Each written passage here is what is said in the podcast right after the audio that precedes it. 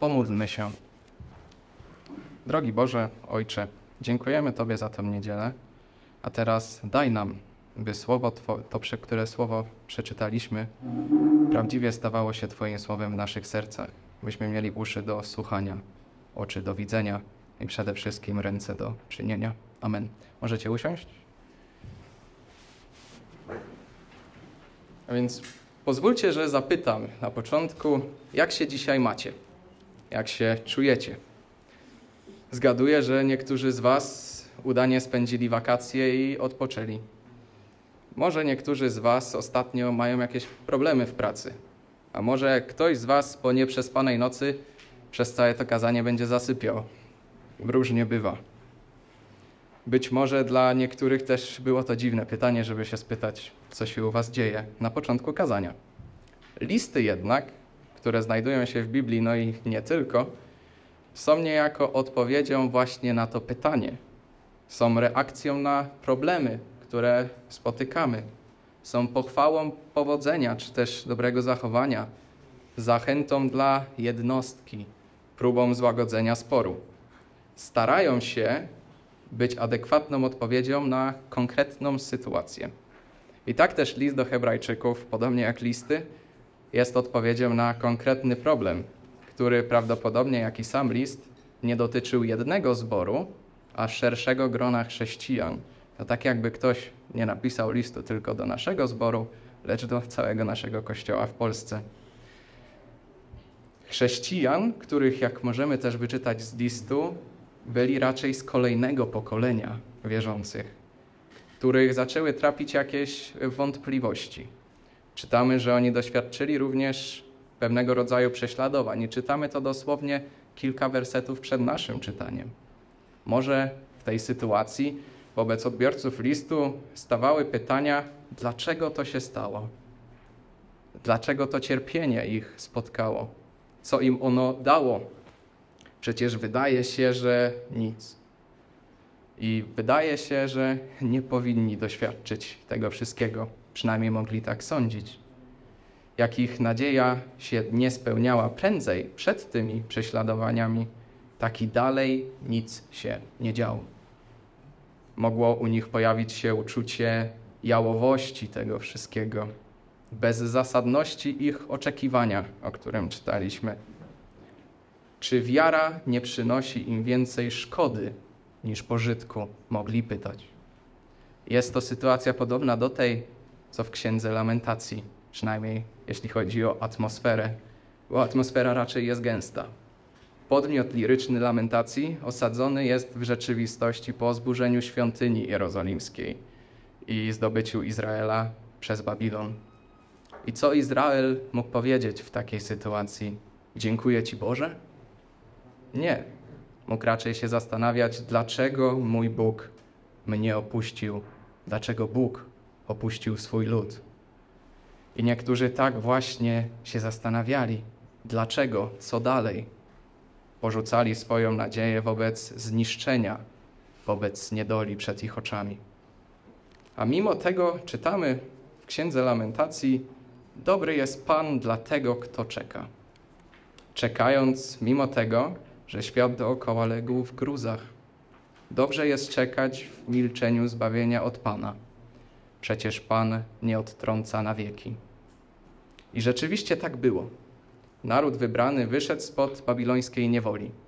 Nadzieja niewielu nawiedziła wielu. Jednak trzeba było na to pewnego czasu. I jak w przypadku wygnanego Izraela, tak też w przypadku adresatów listu do Hebrajczyków wezwanie brzmiało, by nie porzucili swojej nadziei, ba, nawet swojej pewności, a słowo to ma o wiele większy wydźwięk niż nadzieja. Jednak po co przy tym, przy tej pewności trwać? Autor odpowiada: Maleńka chwila, a przyjdzie ten, który ma nadejść. My wiemy, o kogo chodzi, oni też wiedzieli. Chodzi o Chrystusa. Nasza pewność jest bliska, więc stójcie twardo i odważnie, mówi autor. Niewiele już czasu zostało, a Chrystus powróci. No ale minęło dwa tysiące lat, a maleńka chwila wciąż się ciągnie, może nie jest taka maleńka. Często również i my, niczym adresaci listu, stoimy na rozdrożu sensu, jak i beznadziei. Pomyślmy tylko o tym, posługując się obrazem. Jaś poprosił swoich rodziców, by wszyscy razem poszli na basen. Jaś bardzo lubił pływać, więc liczył, że jeszcze tego samego dnia wszyscy pójdą na basen. Pyta więc, mamo, tato, czy pójdziemy na basen? Problem był taki, że to był wieczór. Jasiu nie zdawał sobie sprawy, że no 21 nie jest najlepszą godziną na wyjście na basen, więc, a jeszcze rano miał szkołę, a rodzice pracę. Więc rodzice mu powiedzieli, pójdziemy w weekend. W weekend Jasiu pyta, mamo, tato, to jak? Idziemy na ten basen czy nie? E, rodzice odpowiadają, że tak, ale wieczorem. Jednak rodzice cały dzień pracowali w ogrodzie i zmęczeni powiedzieli Jasiowi wieczorem, że pójdą w niedzielę następnego dnia. W niedzielę jednak zapomnieli i nigdzie nie poszli. Mijają tygodnie, a Jasiu jedynie co słyszy to to, że pójdzie na basen, ale kiedy indziej. Troszkę zaczyna wątpić, że w ogóle kiedykolwiek pójdzie z tymi rodzicami na basen. Zresztą czemu miałoby być inaczej? Przecież jest to dość naturalna reakcja. My tak samo byśmy zrobili i tak samo jako dorośli czynimy, bo przecież jak, nie wiem, w pracy na przykład ktoś, szef obiecuje nam podwyżkę, ale to się ciągnie i ciągnie, no to albo go przyciskamy do ściany, no albo dajemy sobie spokój i więcej mu nie wierzymy, że tą podwyżkę dostaniemy. Jednak jest jedna rzecz, która w tym obrazie jest niedoskonała, która odstaje od naszej sytuacji jako chrześcijan. Chrześcijanie nie są w pozycji Jasia. Oczywiście z pokolenia na pokolenie czekamy na upragnioną paruzję, na powrót naszego Zbawiciela Jezusa Chrystusa. Jednak to nie Bóg nas zawodzi, wręcz przeciwnie. On daje nam siebie tu i teraz, w naszej rzeczywistości. Bo pomyślmy tylko, czy nasze oczekiwanie na Chrystusa jest samotne? Nie. Czy jest bezpodstawne? Absolutnie. Dlaczego jednak? Bo czytamy, mój sprawiedliwy z wiary żyć będzie. Większość z Was zapewne zna ten werset na pamięć. Jest on też cytowany w Rzymian 1:17. I wiecie, wiara jest cudną rzeczą, bo w niej jest nam darowany Chrystus, sam Chrystus. I prawdziwie oczekiwanie na Chrystusa w wierze jest maleńką chwilą, bo przecież żyjąc, On jest wśród nas, a umierając, z Nim się spotykamy. Ale okej, okay, wszystko brzmi w porządku, ale czy nie byłoby lepiej ujrzeć go już teraz, przed nami? Pewnie tak. Jednak również widzimy go dookoła nas i to często nam umyka. Pomyślcie tylko. Stworzenie wzdycha ku Stwórcy pieśń chwał. Dając kubek wody jednemu z najmniejszych, jest napisane w Ewangelii, że dajemy kubek Chrystusowi. Przyjmując potrzebującego w imię Chrystusa, przyjmujemy Jego samego. Całe nasze życie zawiera się w Chrystusie i obraca się wokół Chrystusa. Tym właśnie jest wiara. I przełomem reformacyjnym było właśnie stwierdzenie, że sprawiedliwy z wiary żyć będzie. Nie z niczego innego, ale z wiary. Tak więc wszyscy jesteśmy bez Chrystusa, jednak z Chrystusem. Nie widzimy Go, a jednak go widzimy. Taki to jest paradoks. Mimo, że fizycznie go nie dostrzegamy, nie siedzi tu w pierwszym rzędzie, nie widzimy go samego mówiącego do nas jakiś słów, to jednak mamy nie odrzucać naszej pewności. I nie opinii, ale pewności. I niektórzy mówią, że religia jest dla naiwnych, dla osób, które muszą wyjaśnić sobie rzeczy, których nie rozumieją, tak zwany Bóg dziur, mówią.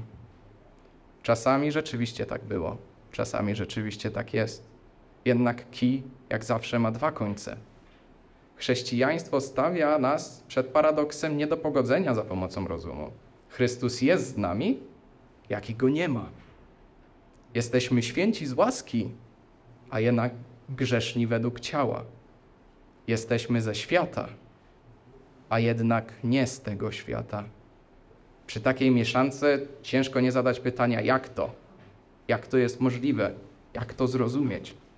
Czasem ciężko się nie zachwiać, tak jak to było w przypadku adresatów listu do Hebrajczyków.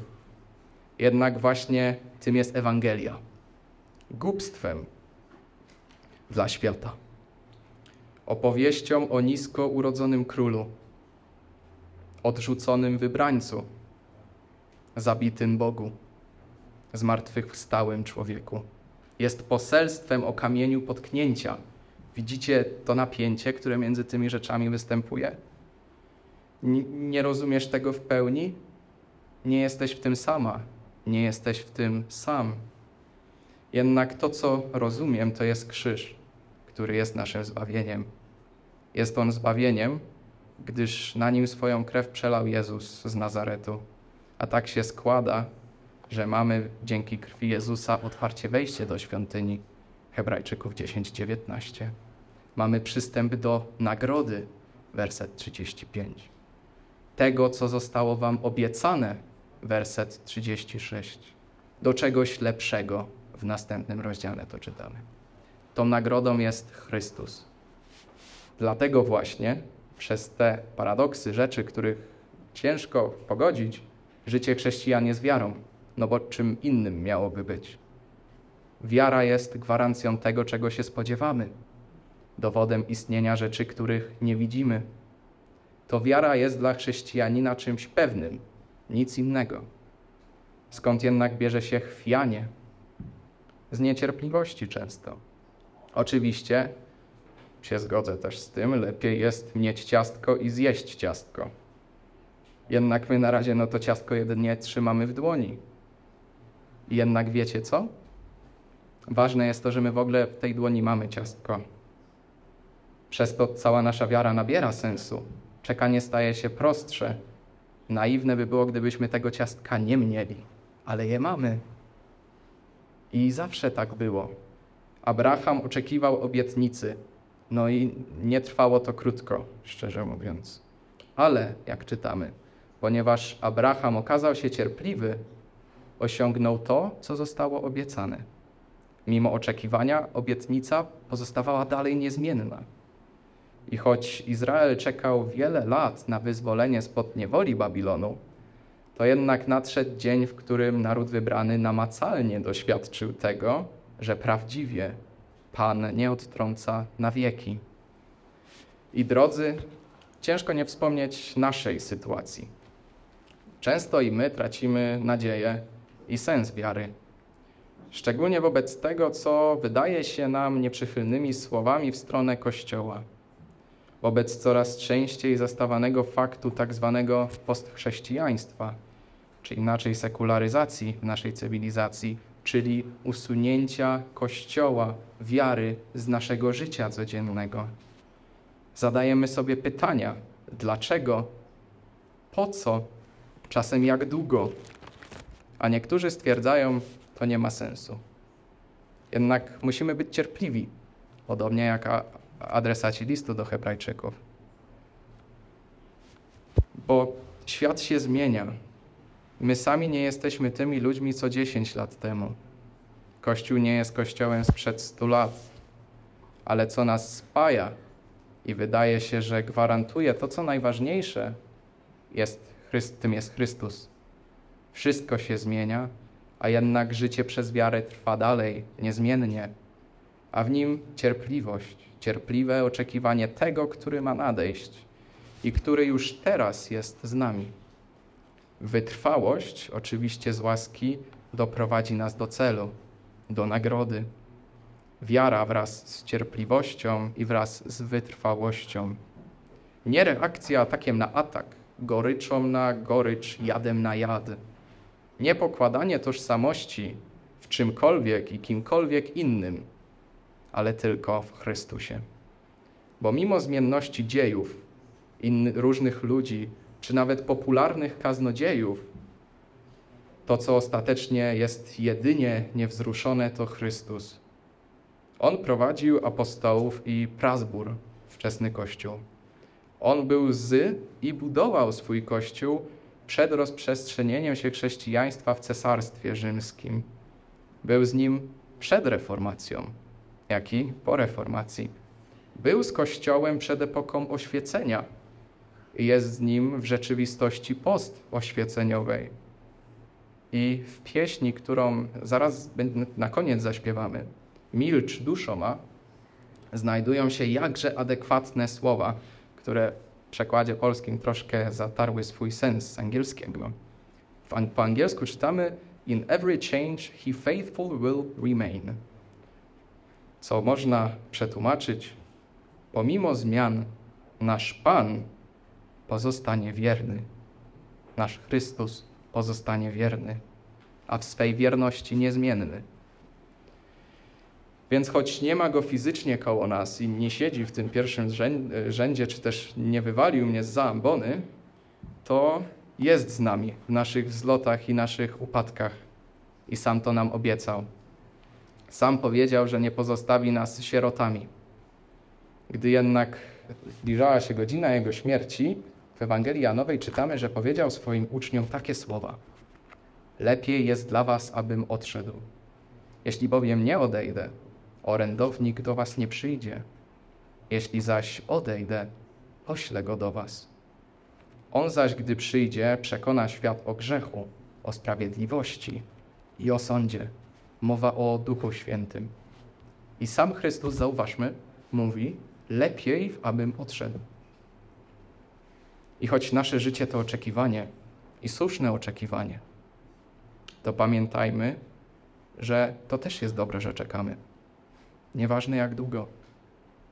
Jest to zamysłem Chrystusowym, że czekamy. Dobrze jest czekać w milczeniu zbawienia od Pana. Więc oczekiwanie, mimo że momentami ciężkie, nie powinno być końcem naszej wiary, broń Boże. Jest jej początkiem i obecnie jest istotą naszej wiary. Pozwala żyć, pozwala działać, iść, pos, e, iść poselstwem, za poselstwem ducha, pozwala zwiastować Ewangelię Jezusa Chrystusa, Ewangelię o pojednaniu i o odnowieniu.